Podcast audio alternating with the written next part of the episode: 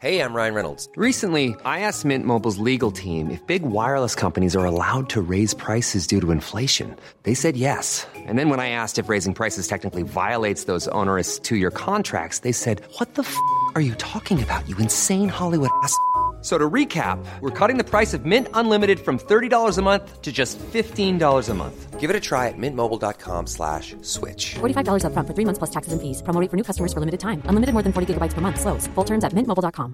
Now's the time to save 30% on wedding jewelry, only on BlueNile.com. Make sure your wedding ring is the one with your pick of diamond and lab grown diamond bands, all hand finished and graded for excellence. Or surprise her with something blue she'll love for life, like a stunning pair of sapphire earrings. Blue Nile's jewelry experts are available 24 7 to help, from fit questions to style advice. Right now, get up to 30% off at BlueNile.com. BlueNile.com. Du lyssnar på GVS ljudböcker.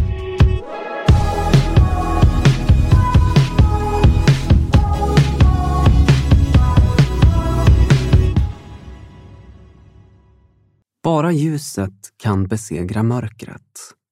Av Sebastian Staxet. Kapitel 17 23.40 Guds avgångstid 4 juni 2017. TVn spelade upp scener från en film som totalt misslyckats med att fånga mitt intresse. Tankarna vandrade iväg.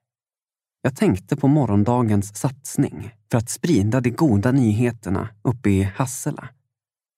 Där i norra Hälsingland har ett 30 meter högt kors rests för att visa på Guds kärlek till Sveriges befolkning. Jag fylldes av förväntan. Jag tänkte på allt som hade hänt i Örebro. Jag tänkte på miraklet som hänt med Laila. Jag fylldes av tacksamhet. Jag såg verkligen fram emot morgondagen. Varje möte blev bara starkare och starkare. Jag bad till Jesus att många skulle komma och få möta Gud. Jag scrollade lite på telefonen. Många människor hör av sig via min Instagram och ber om bön eller frågar olika saker. Det är ett rätt stort flöde som passerar och det är tyvärr väldigt svårt att hinna med att svara på allting. Men just denna dag kom det ett meddelande från en ung man som hette Gabriel som fick mig att stanna till. Hej Sebastian. Nu behöver jag hjälp i bön. En nära vän till familjen har en 15-årig son som ligger på sjukhuset med en krossad skalle efter en olycka igår kväll.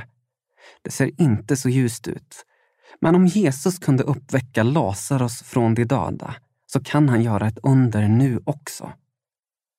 Killen är konstaterad hjärndöd, men vi tror på ett under. Jag reagerade instinktivt för att jag upplevde hur den heliga ande manade mig att be. Visst ska vi be, svarade jag. Sedan började jag och Isabella att be för den unga mannen. Jag upplevde hur det blev ett krig i andevärlden när jag bad. Jag skickade ut sms och bad pastorer och troende runt om i hela Sverige om hjälp att börja be för den unge mannen. En armé av bönekrigare reste sig upp och började ropa till Gud för den unge mannen. Dagen efter vaknade jag tidigt. Jag sov oroligt och var uppe och bad flera gånger under natten. Men det är normalt innan en evangelisationssatsning. Bosse och Stella hämtade mig i sin silverfärgade Merca. Och sen dammade vi upp till korset i Hassela i full karriär.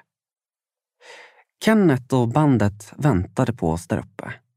Klockan 18.00 skulle vi stå på scen under en satsning som tv-sändes av kanal 10. Vi ankom till det stora vita träkorset mitt i de djupa skogarna i Nordanstig. Måndagen den 5 juni klockan 15.15. 15. Vi mottogs av arrangörerna Thomas och Ann Larsson med stor entusiasm. Tidningen Inblicks chefredaktör Ruben Agnarsson hälsade även han oss varmt välkomna. Det var han som bokat in oss. Ruben och jag hade det senaste halvåret utvecklat en god vänskap. Alla verkade peppade inför kvällen. Kenneth och grabbarna i bandet stod och soundcheckade så att elgitarrer och baskaggar dånade över grantopparna och ljudvågorna dansade runt i de skogsbeklädda dalarna. Det här skulle bli fett. Det är dags för soundcheck, sa Thomas. Då stannade en ung man mig när jag promenerade upp för backkrönet. Hej, sa han allvarligt. Jag heter Gabriel. Det var jag som skrev till dig igår angående Joel. Jag stelnade till. Hej, sa jag. Wow, är du här? Frågade jag förvånat. Vad var oddsen? Den unga mannen försökte le lite stelt. Men hans ögon speglade synbart smärtan och sorgen som han brottades med inombords. De ska stänga av maskinen vid midnatt. Finns tydligen inget mer läkarna kan göra. Suckade Gabriel tungt. Jag kramade om honom. Vi fortsätter be, för Gud är allting möjligt, svarade jag. Jag promenerade uppför backkrönet när jag plötsligt hörde Guds röst i mitt inre. Sök mig. Jag sökte mig till en avskild plats på en klippa där jag kunde be. Jag såg ut över de djupa skogarna och kände hur en stormvirvel av smärta och sorg dånade i mitt bröst. Detta måste vara en bråkdel av det hans familj går igenom just nu, tänkte jag. Jag hade aldrig träffat Joel, men situationen kändes ändå väldigt angelägen för mig. Då plötsligt kom det en vind som en stormvind som slog mig så hårt i ryggen att jag tappade balansen och föll ner på mina knän. Vinden blåser vart den vill och du hör dess sus, men du vet inte varifrån den kommer eller vart den är på väg. Så är det med var och en som är född av Anden. Johannes evangeliet, kapitel 3 och 8. Genast fylldes platsen av Guds närvaro så starkt. Och jag hörde Herren tala till mig i mitt hjärta. Åk till sjukhuset och be för pojken. Den helige Ande bekräftade detta och slog undan varje skugga av tvivel. Jag reste mig upp och gick med bestämda steg upp till kapellet där Bosse och Stella stod och samtalade med pastor Peter Fagerhov från Nordanstigs kristna center. Bosse, sa jag. Vi måste besöka Joel och be för honom. Bosse tittade på mig. När? frågade han. Nu på direkten. Kan du köra oss, pastor?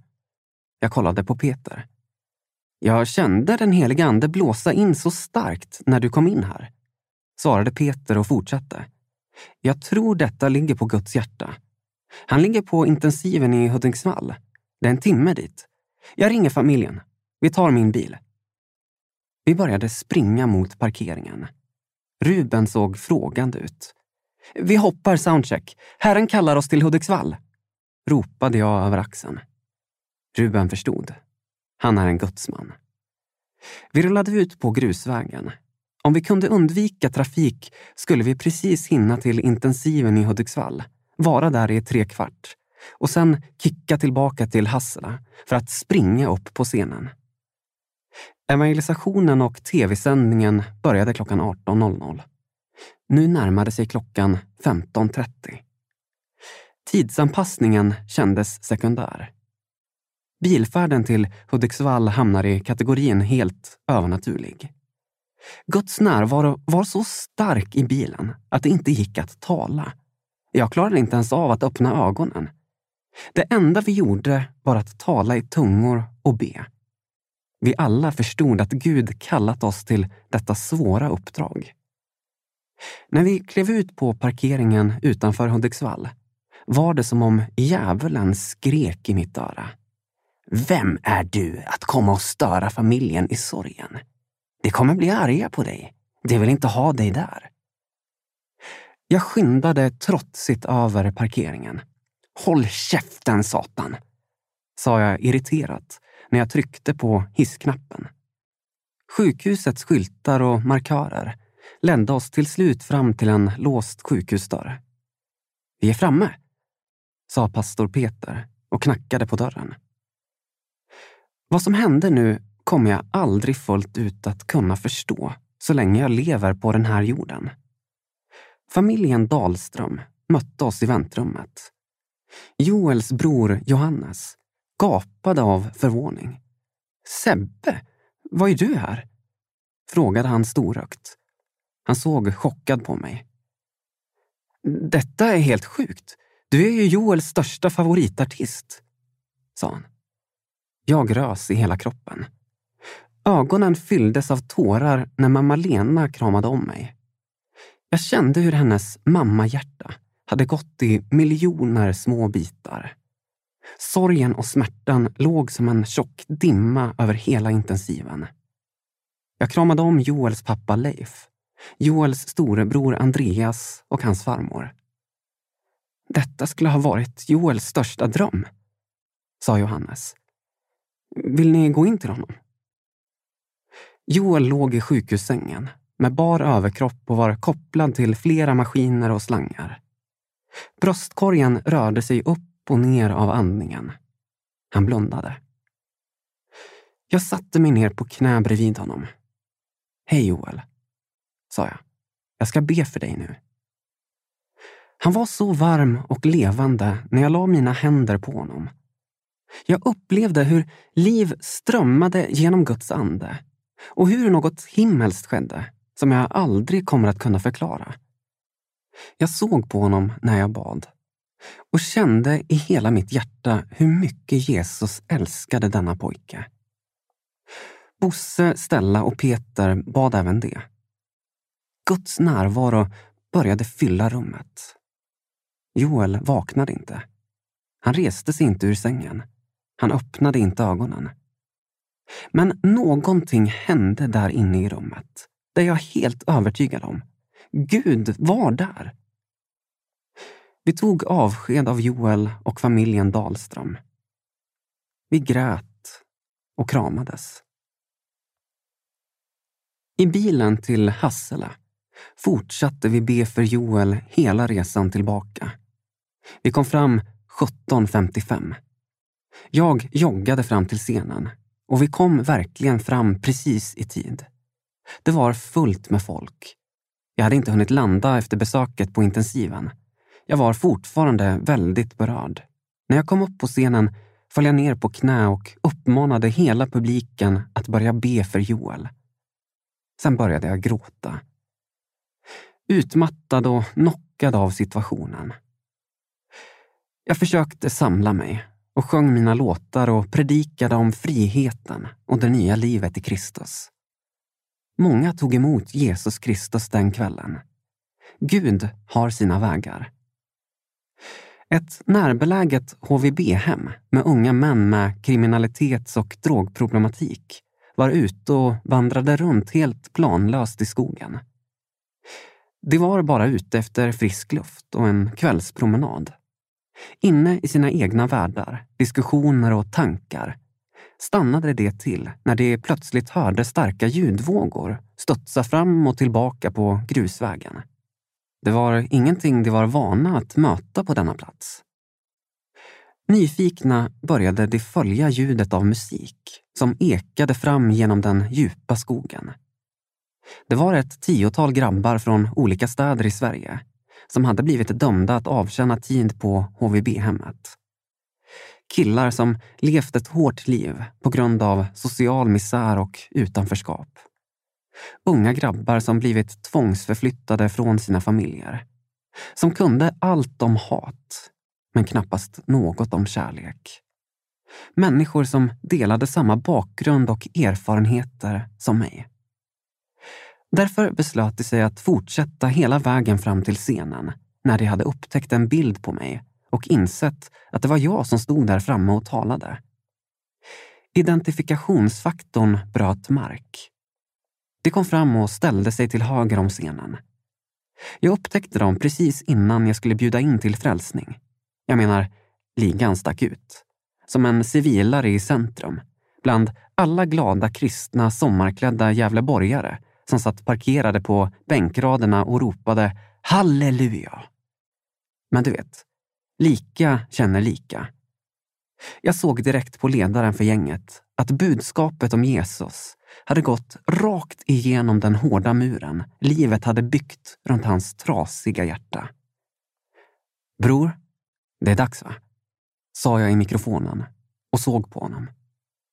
Ja, bror, svarade han och gick fram till frälsningen med bestämda steg. Nästa person från HVB-hemmet följde efter. Ledaren sträckte upp händerna och bad frälsningsbönen med en cigg i mungipan. De andra grabbarna bad frälsningsbönen även det. Den helige ande var där och betjänade direkt. Färgglada bomullsshorts eller svarta Adidas-byxor. Inför Gud är vi alla lika. Där stod en skara människor med olika bakgrund och gav sina liv till Jesus. Predikan var inspirerad av mötet med familjen Dahlström. Unge Joels öde hade från dödsbädden talat till dessa människor genom mig om livets skörhet. Och det hade lett många till frälsning. Det var bland det vackraste jag sett. Vilken Gud vi har! Han glömmer ingen. Efter mötet åkte vi till pastor Peters församling. Det var jag, Bosse, Stella, Peter och hans fru Anna, Evelina, Kenneth och killarna från bandet. Jag var fortfarande helt skakad efter mötet med Joel. Klockan närmade sig 22.00. Vi insåg att vi inte ätit någonting på hela dagen. Peter och Anna hade förberett värsta middagen åt oss i kyrkan. Då hörde jag den heliga ande tala till mig igen. Fasta. Sök dig till en ensam plats och be för Joel. Jag satt stilla i bilen. Aldrig tidigare hade jag fastat. Jag talade om för Bosse vad jag upplevt och frågade om han och Stella kunde stå med mig i bön. Jag lånade ett litet kontor i kyrkan och släckte ner och satte mig i en stol. Klockan slog 22.00. Om 120 minuter skulle maskinen som höll Joel vid liv stängas av. Jag hade smsat varenda människa i min telefonbok som trodde på Gud att vara med och be. Folk bad för Joel från Skåne till Norrland. Pastor Hernan och flera från kyrkan kämpade för Joel från kontoret i Skogås. Jag hade förstått att Joel inte var frälst. Bibeln talar tydligt om att enda vägen till himlen är att ta emot Jesus som Herre och Frälsare. Det enda sättet Gud kan ta emot oss i himlen är om vi tvättats rena från synd av Jesus blod och klär oss i hans rättfärdighet genom att acceptera offret han utgav för oss på korset.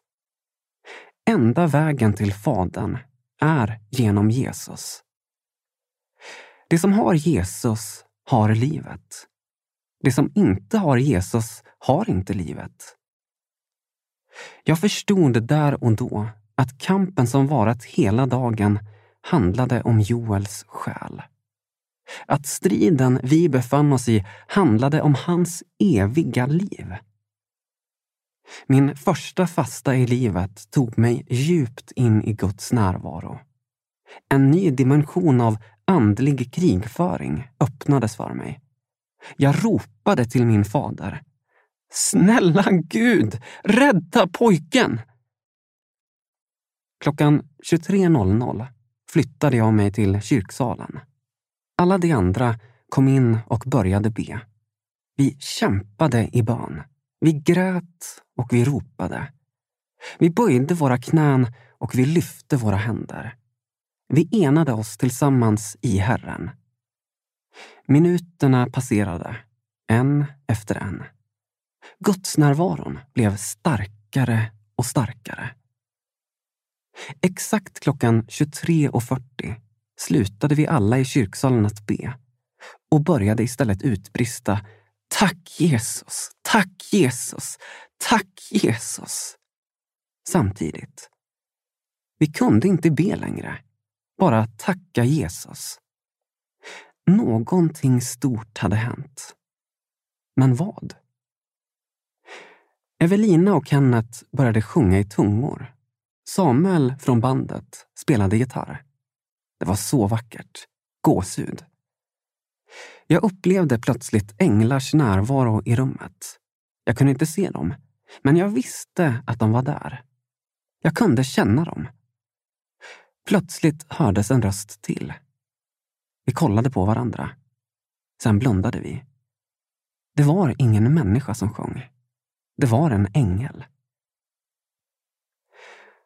Dagen efter vaknade jag och undrade vad som hade skett 23.40. Jag hade sagt innan vi la oss på natten att antingen vaknade Joel eller så tog han emot Herren i komat och kom till himlen. Vi vet inte hur det gick till. Det är inte vårt jobb att veta hur. Men vi upplevde alla frid och tacksamhet. Ingen sorg och ingen smärta. Och han skall torka alla tårar från deras ögon. Döden skall inte finnas mer och ingen sorg och ingen gråt och ingen plåga. Till det som förr var är borta. Uppenbarelseboken kapitel 21 och 4. Jag frös till i hela kroppen när jag läste ett meddelande som pastor Rigmor Holst hade skickat. 23.40 igår såg jag en syn hur Joel blev uppburen av änglar till himlen, applåderad av förböner, skrev hon. Bekräftelsen fyllde mitt hjärta. Joel är i himlen, tänkte jag. Men det som skedde efteråt drog ner mig på knäna av tacksamhet. Joels bror skrev till mig på Facebook att exakt samma tid, klockan 23.40, hade en himmelsk frid sänkt sig ner och lagt sig över hela intensivavdelningen på sjukhuset i Hudiksvall. Guds närvaro la sig över hela familjen som låg runt Joel i en stor Kingsize säng och kramade honom. Friden som hade kommit 23.40 hade gett dem styrkan att låta personalen stänga av maskinerna. Änglarna kom och hämtade Joel och förde honom till himlen. Inbäddad i familjens och Jesus gränslösa kärlek. Jag är helt övertygad i mitt hjärta att jag kommer att få möta honom i himlen. Och jag är så tacksam till Gud över hans kärlek till den fina familjen Dahlström. Hela familjen har tagit emot Jesus och alla är frälsta idag. Här kommer pappa Leivs berättelse om Joel.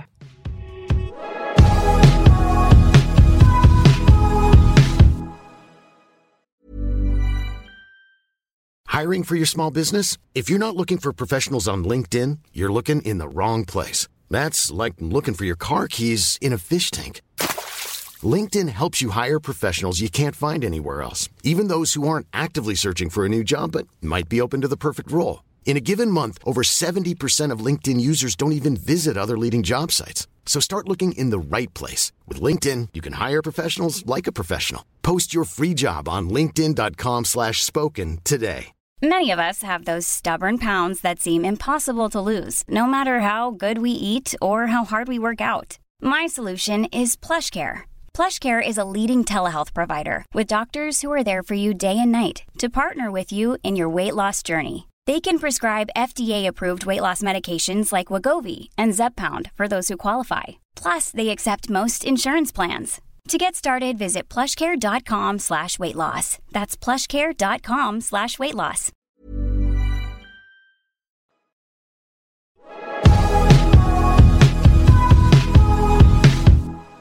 Leif, min son väntar i himlen.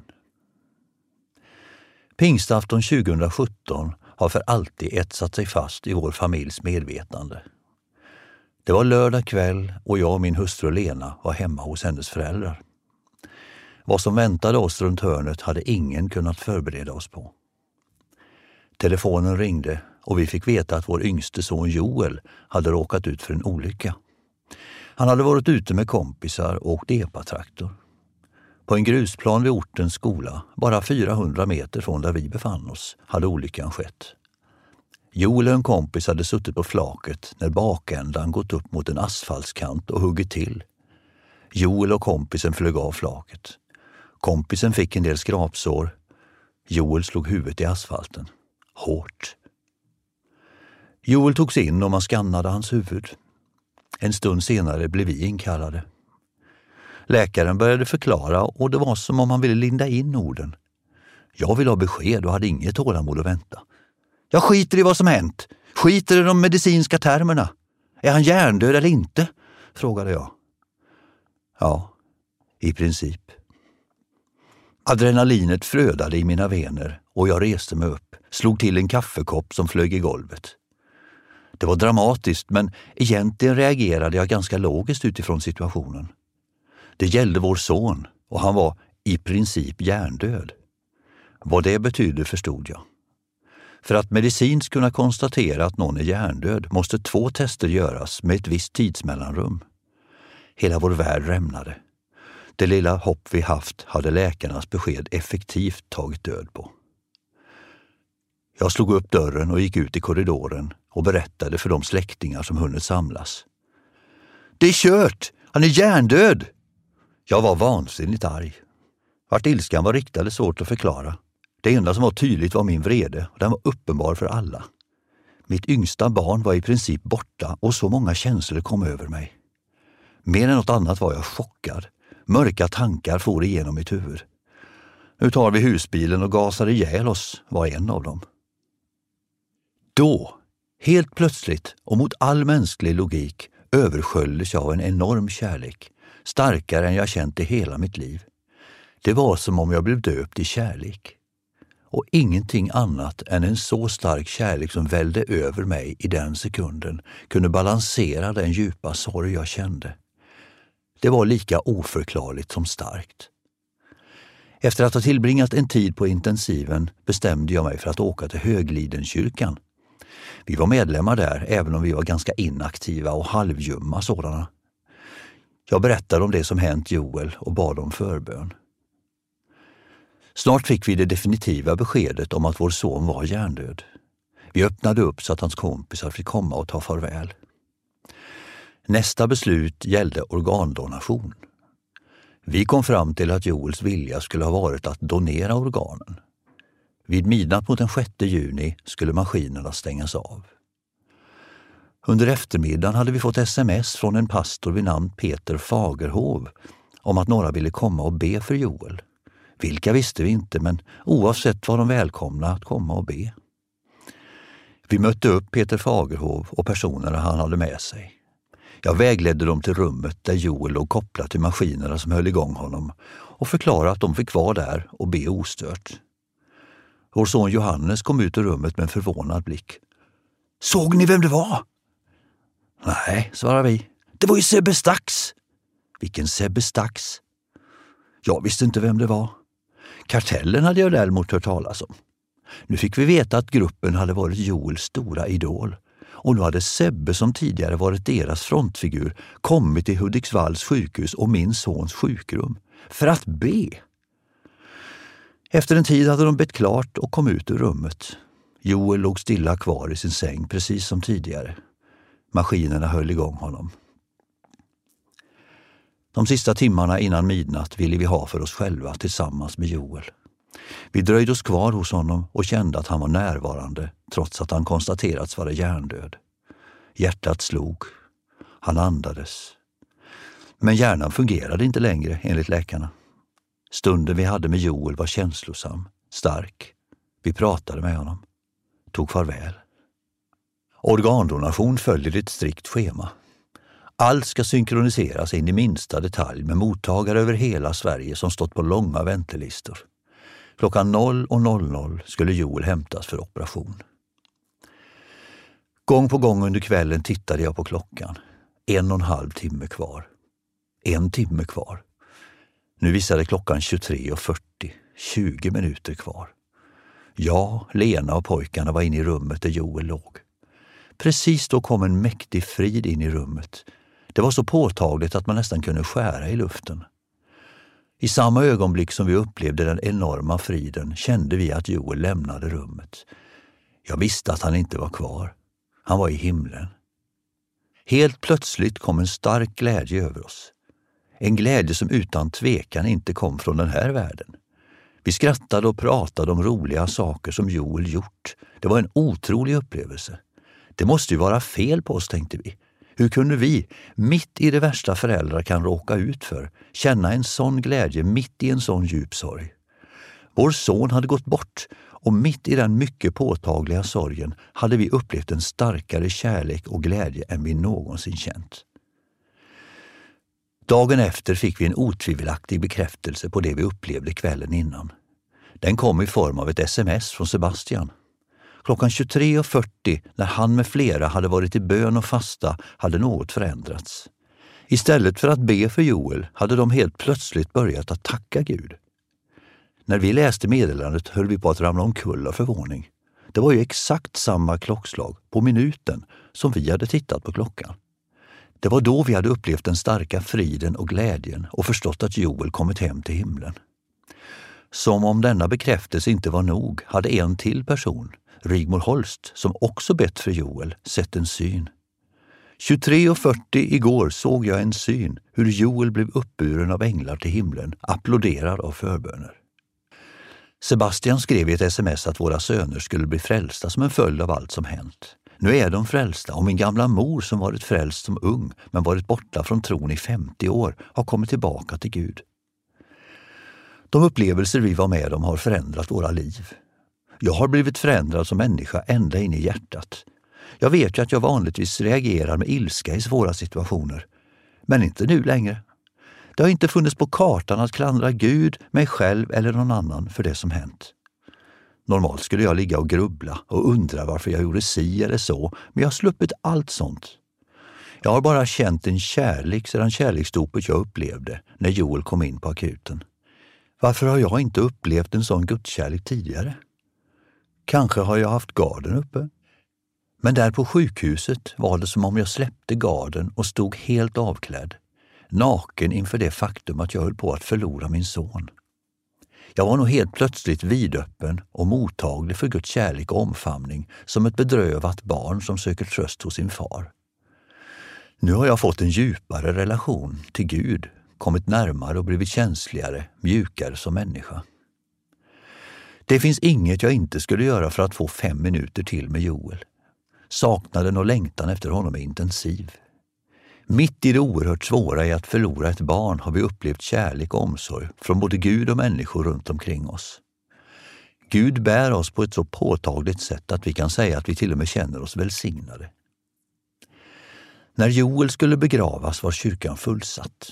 Och vilken kärlek som flödade den dagen. Så mycket kärlek. Himlen har blivit väldigt verklig för mig efter allt som hänt. Den är inte längre något diffust. Jag skulle nästan beskriva det som att himlen på ett sätt har blivit närvarande. Förut kunde jag tappa humöret för småsaker. Idag har jag fått ett helt nytt perspektiv på tillvaron. Jag längtar till himlen nu på ett sätt som jag inte gjort tidigare, för jag vet att himlen är verklig och att Joel är där. Tänk att det är först nu som jag helt och fullt förstått att kristendomen handlar om kärlek. Förut förstod jag det förnuftsmässigt, nu förstår jag det känslomässigt. Jag och min familj är innerligt tacksamma till alla som bad för Joel och till Sebastian som lydde Guds maning och kom och bad för Joel. Det är inte enkelt att komma dragandes med Gud till en familj man inte känner där en person svävar mellan liv och död. Men det gjorde Sebastian. Och när han klev in genom dörren var Guds kärleksfulla närvaro med honom. Jag visste inte vem han var, men nu vet jag. Och ännu viktigare, jag vet att vår familj har förvandlats av den kärlek som kom med honom. Boken kan du lyssna på i sin helhet utan reklam på Storytel.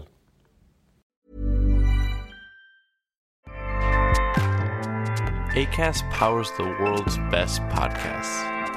Here's a show that we recommend. The Real Housewives is a guilty pleasure for most, but if you're looking to not feel guilty about that pleasure, tune in to Everything Iconic with me, Danny Pellegrino, where I break down all the messy moments and behind the scenes antics of Bravo's popular franchise. And on Everything Iconic, I also interview celebrity guests like Kelly Ripa, Kiki Palmer, Drew Barrymore, Cameron Diaz, and more about their guilty pleasures, their past work, and so much more. So if you're pop culture obsessed and find yourself watching way too much reality TV like me, tune in to Everything Iconic with Danny Pellegrino wherever you listen to podcasts. ACAST helps creators launch, grow, and monetize their podcasts everywhere. ACAST.com.